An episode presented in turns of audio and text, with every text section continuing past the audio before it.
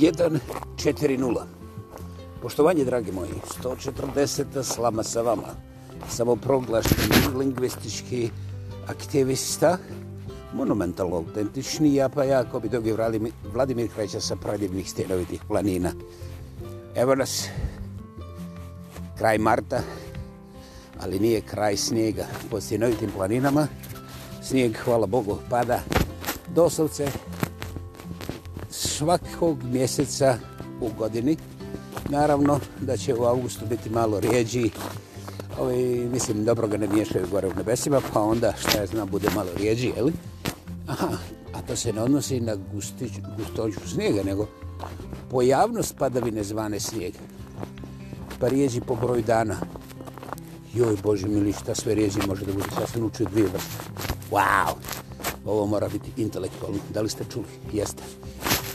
This is very cool. This is our 140th podcast, Slama Savama. Uh, most unique group of all visitors and sub- subscribers coming to this podcast are people from US military networks. I don't know, is it maybe um, automatic settings and just um, whatever it may be. I'd like to tell you guys from US military, I appreciate your number and your persistence. Um, I'm not danger for any kind of US interest. I'm very proud Canadian and therefore I welcome you on my podcast, even being aware that some of those Snowden alike monitoring elements are visible even from my side. I'm not using sophisticated technology, but just to tell you, you know, you don't need to spend extra time and effort because I will never be danger for you. So, once again, thank you for being with me. and I hope to see you tomorrow again. Why not?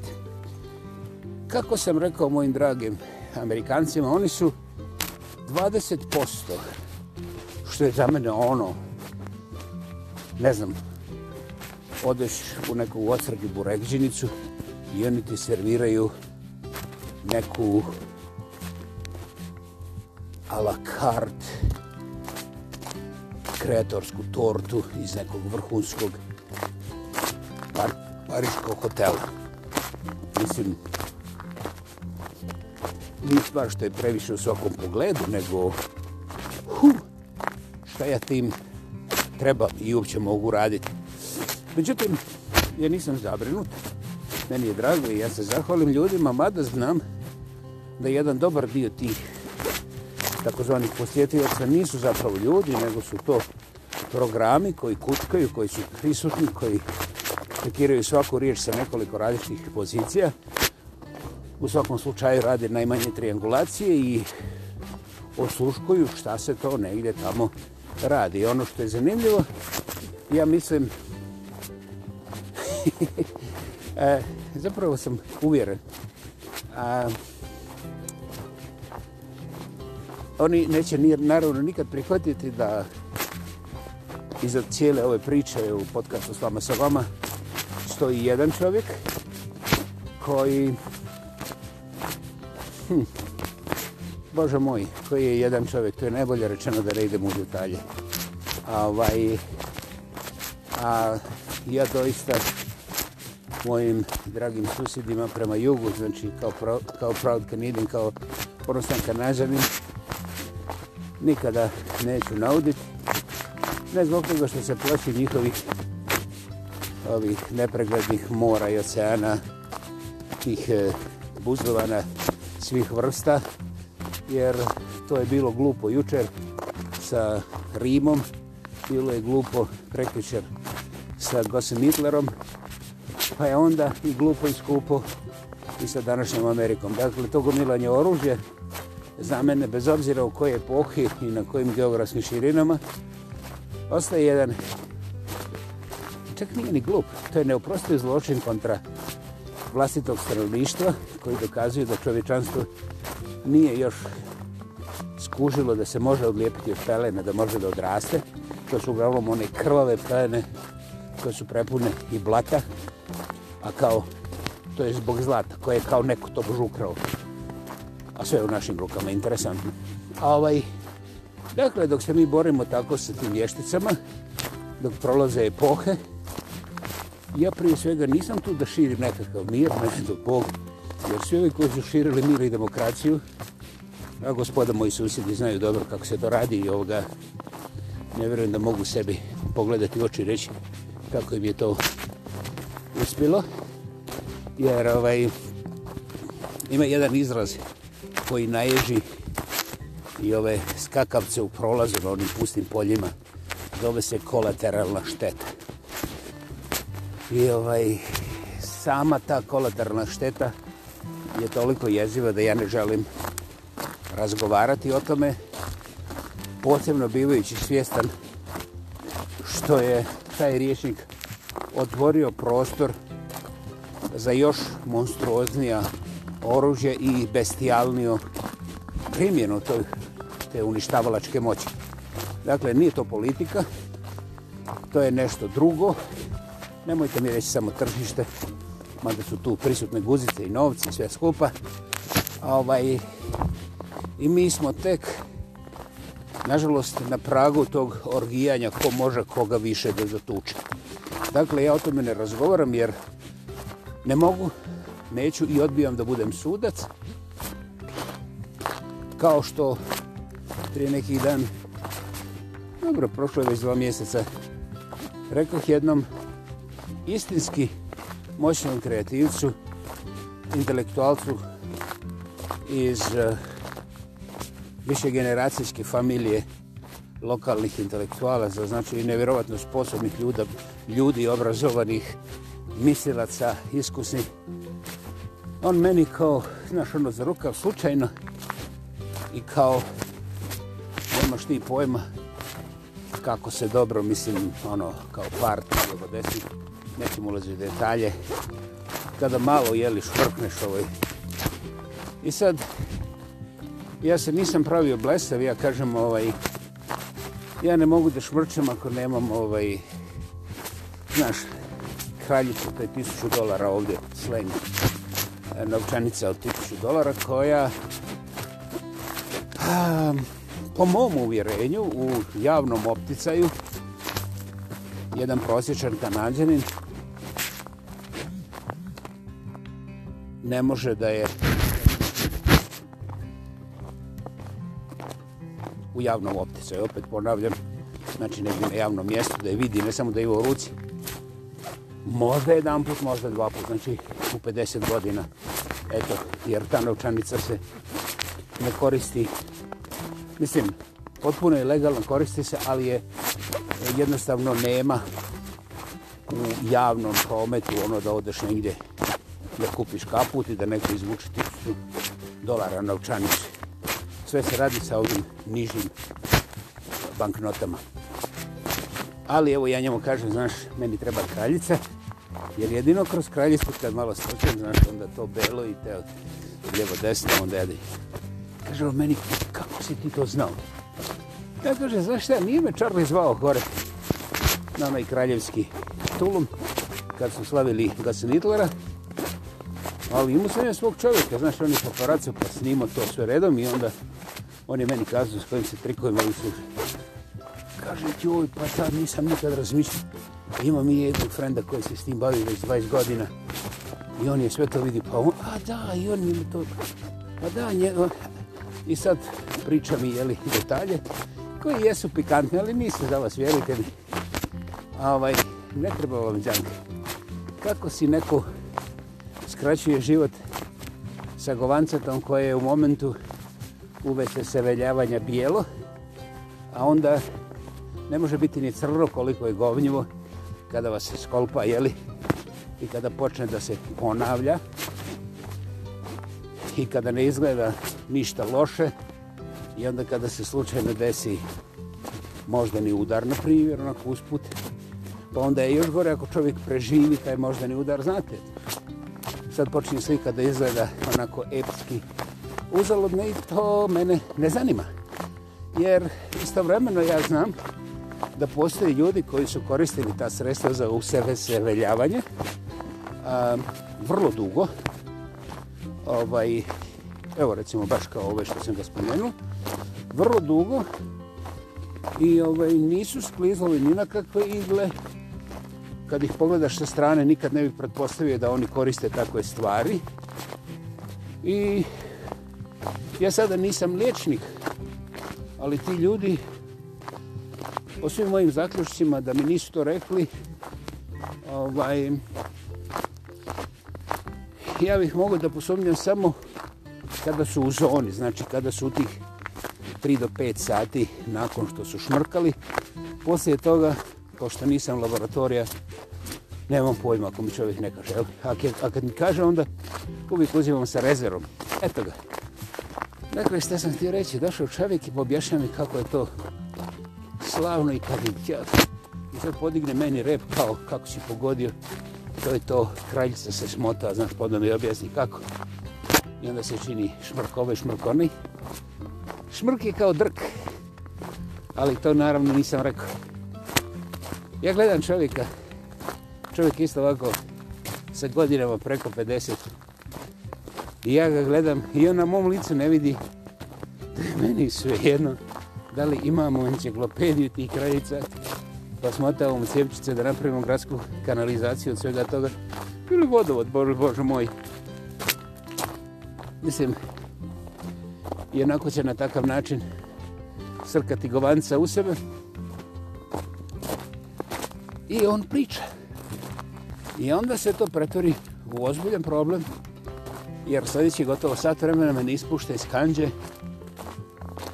s tim što se toliko uzbudio pa je počeo meni lizati guzu kako sam ja intelektualac, mislilac, kako nema kreativca, mislilaca, umjetnika koji u zadnjih sto godina, a ne samo od antičkih doba, jeli Bože moj, nije bar malo da proširi svoje videokruge i da proba ovo i da proba ono, naravno tu su i ženske, bože moj, i te duboke intelektualne slobode koje samo droga može da otvori. Mislim, šmrkanje, šta god hoćeš da staviš to. Dakle, ja sam pokušao na sve načine da objasnim čovjeku da me ne zanima moral, ne zanima me policija i ne zanima me što okolo, evo, to je gotovo u svakom većem gradu, imaš masu tih klubova gdje dolaze drugari srednje školki pa baba koje bi dale i učinila sve, samo eto da ih neko pozove večeras na neku zabavu ili može privatni neki zatvorni parku gdje će one moći da šmrsnu, kad još pomeneš ovaj, da će biti i kraljica, onda si jednostavno Jack ne Jack, treba se nego Jack. Super lijek, oni su tako zalipljeni za da ti postoješ božanski. Ovaj, da li se to meni gadi? Ne.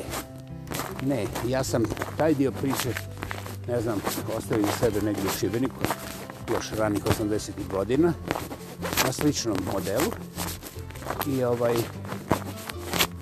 ja njemu objasnim, slušaj, ja ne znam sve, ali mi nije teško objasniti ako neko poklanja kadilaka da će dosta ljudi potrkati bez da provjeri je li to istina ili nije.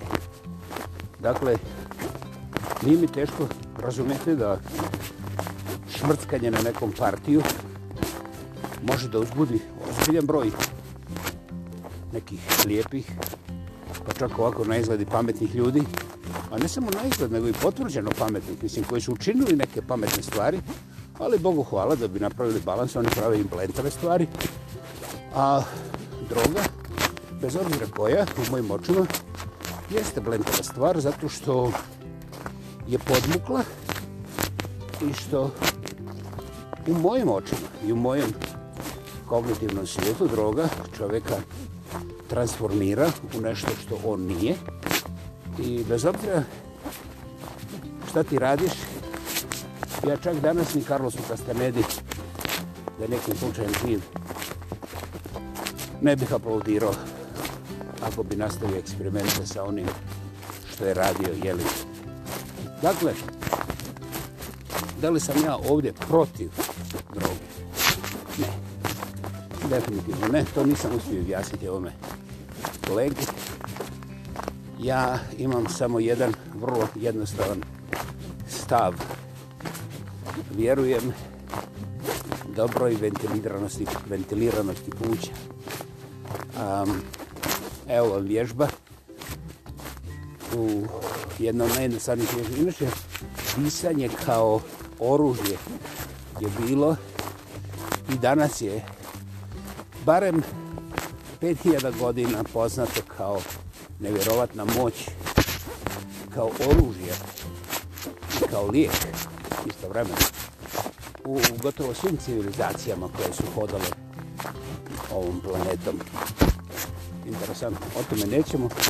A posebno zbog toga što disanje ne košta čim imaš pluća, zrak je svuda oko tebe i možeš da učiniš čuda, ali to disanje kao da nije popularno jer niko na njemu ne može da zaradi, a vi možete ojačati izvan kontrole ovih koji su vlast ili na položaju ili jači od vas ili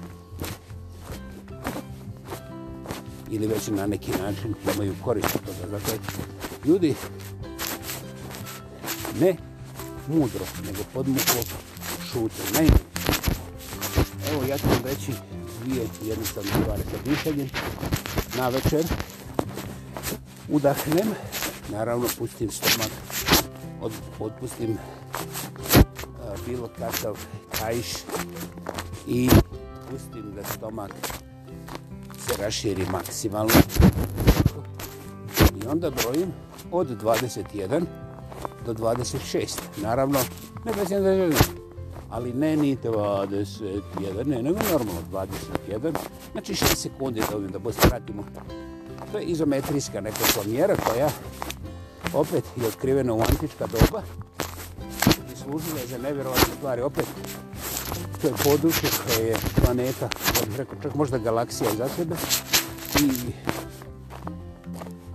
mislit ćete da je neistražena, međutim, praktikanti su bili prisutni u svim epohama, u svim civilizacijama i imali su gotovo teško objašnjeve moće samo zbog toga što su znali kako odgovarajuće disati, kako provjetravati pluća, jer između ostalih blagodeti oni su tako uspjevali da postignu nevjerovatne moći svoje memori, nevjerovatne moći svoga sugestivnog energetskog polja i da skratim tim elementima djelovanja prema drugim ljudima doslovci su bili vaze majci po snazi i efikasnosti, a neprimjetljivosti onoga što su oni htjeli namjeravali učiniti i čekali. Dakle, šest sekundi zadržite, mislite upravo svugdje, jeli, i onda lagano, sljedećih 9 sekundi ispuštate to i ponovite tu stvar 9 puta. Poslije toga ćete se probuditi u presretnici. Govorim ovo na večer u slučaju kad se probudite ujutru, nećete vjerovati sebi. Međutim, ako ovu istu stvar ponovite na nogama, već nakon trećeg uzastopnog takvom disanju, vi ćete primijetiti da budete lagano tlo i da vaše vidno bolje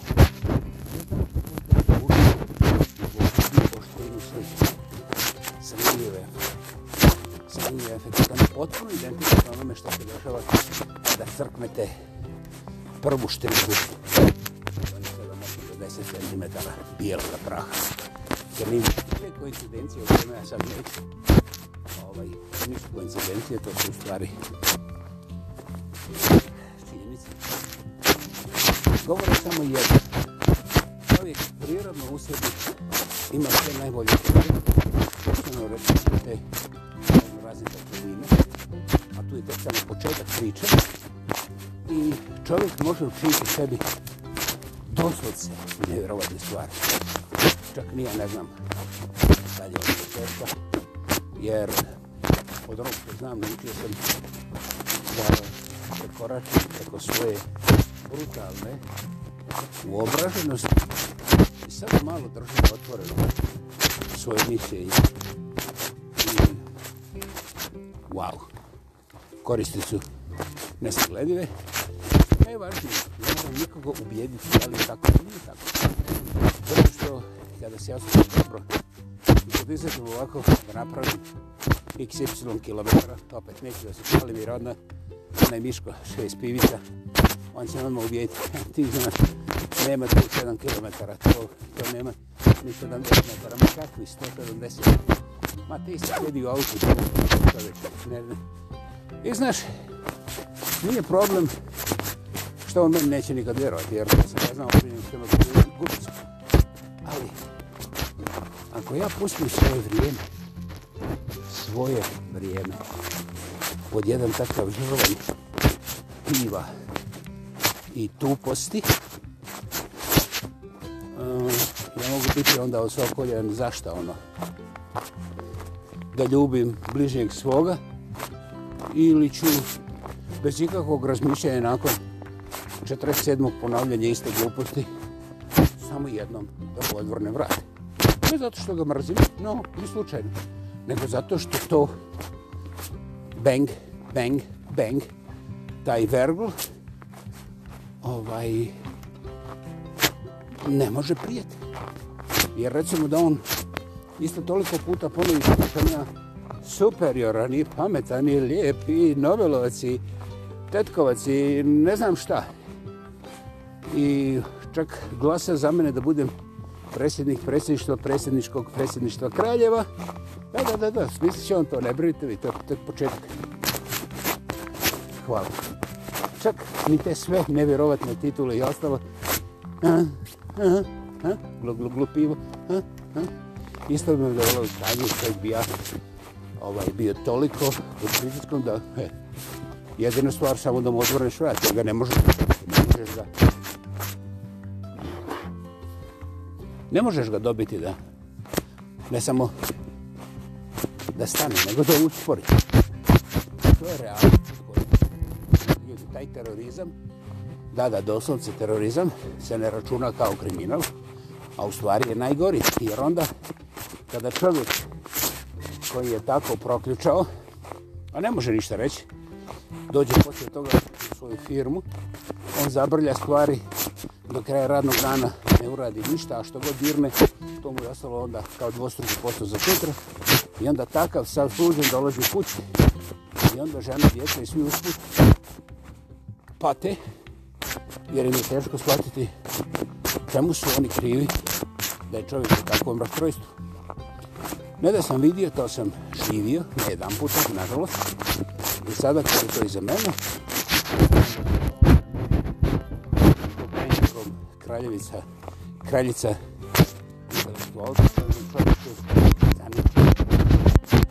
i on, kao misliko, pazi, ovo je čovjek nije pijanac, ovo je čovjek nema svojega moža, moje malo pobijeluje.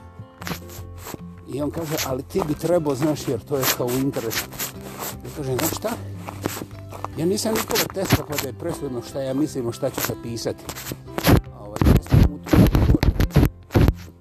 Tako da, ovaj, šta će svijet misliti i kako će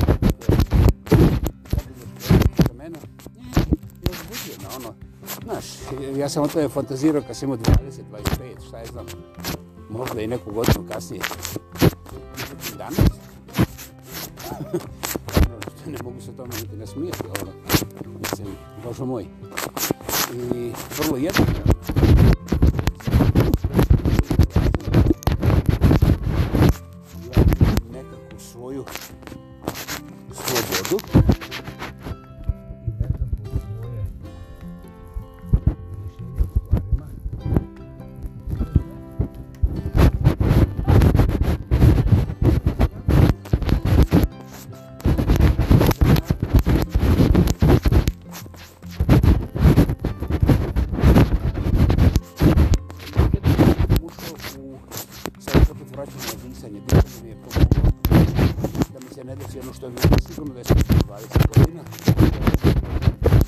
Niflam te.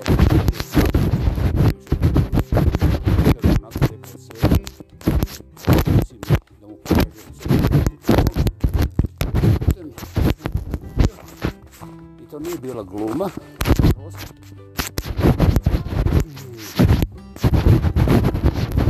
Sad je on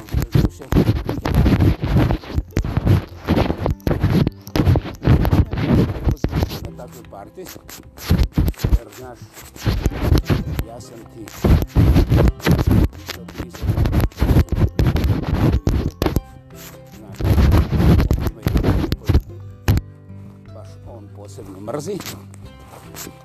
sam ti prije htio reći, ali ja bih ti morao priznati što im crkovim liderima i onda bi oni došli potrebni, znaš, ja bih što je, ja ću biti četvrnici.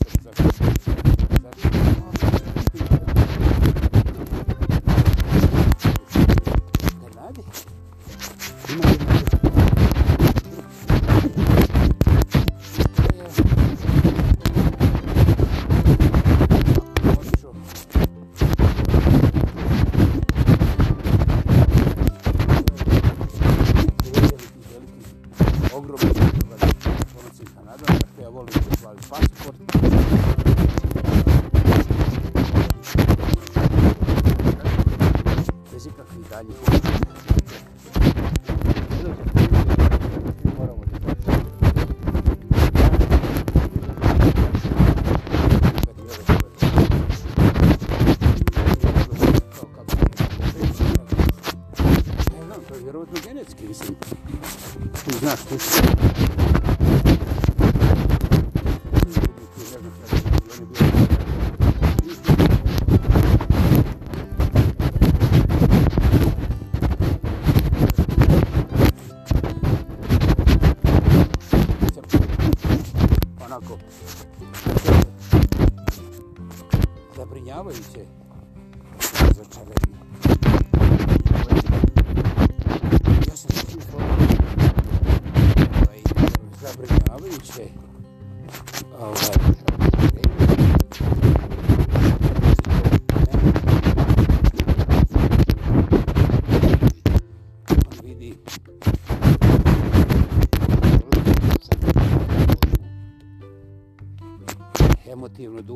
intelektualno prosvjećujuću moć šmrkanja tih nekih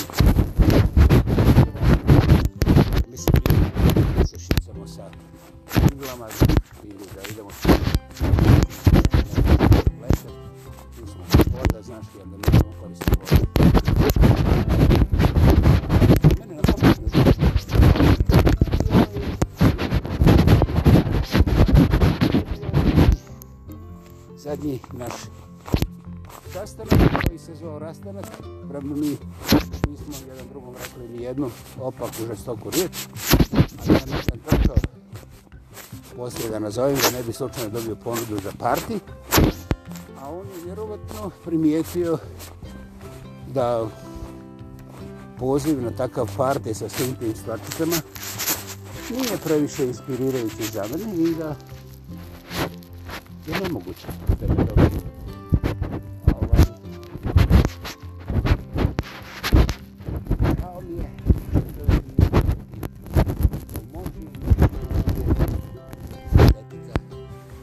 igra ulogu i da sam ja brutalno i primitivno, ali spontano djetinje povezan sa tim nekakvim ostacima prirode koje u modernom svijetu eto, još uvijek nekako egzistiraju.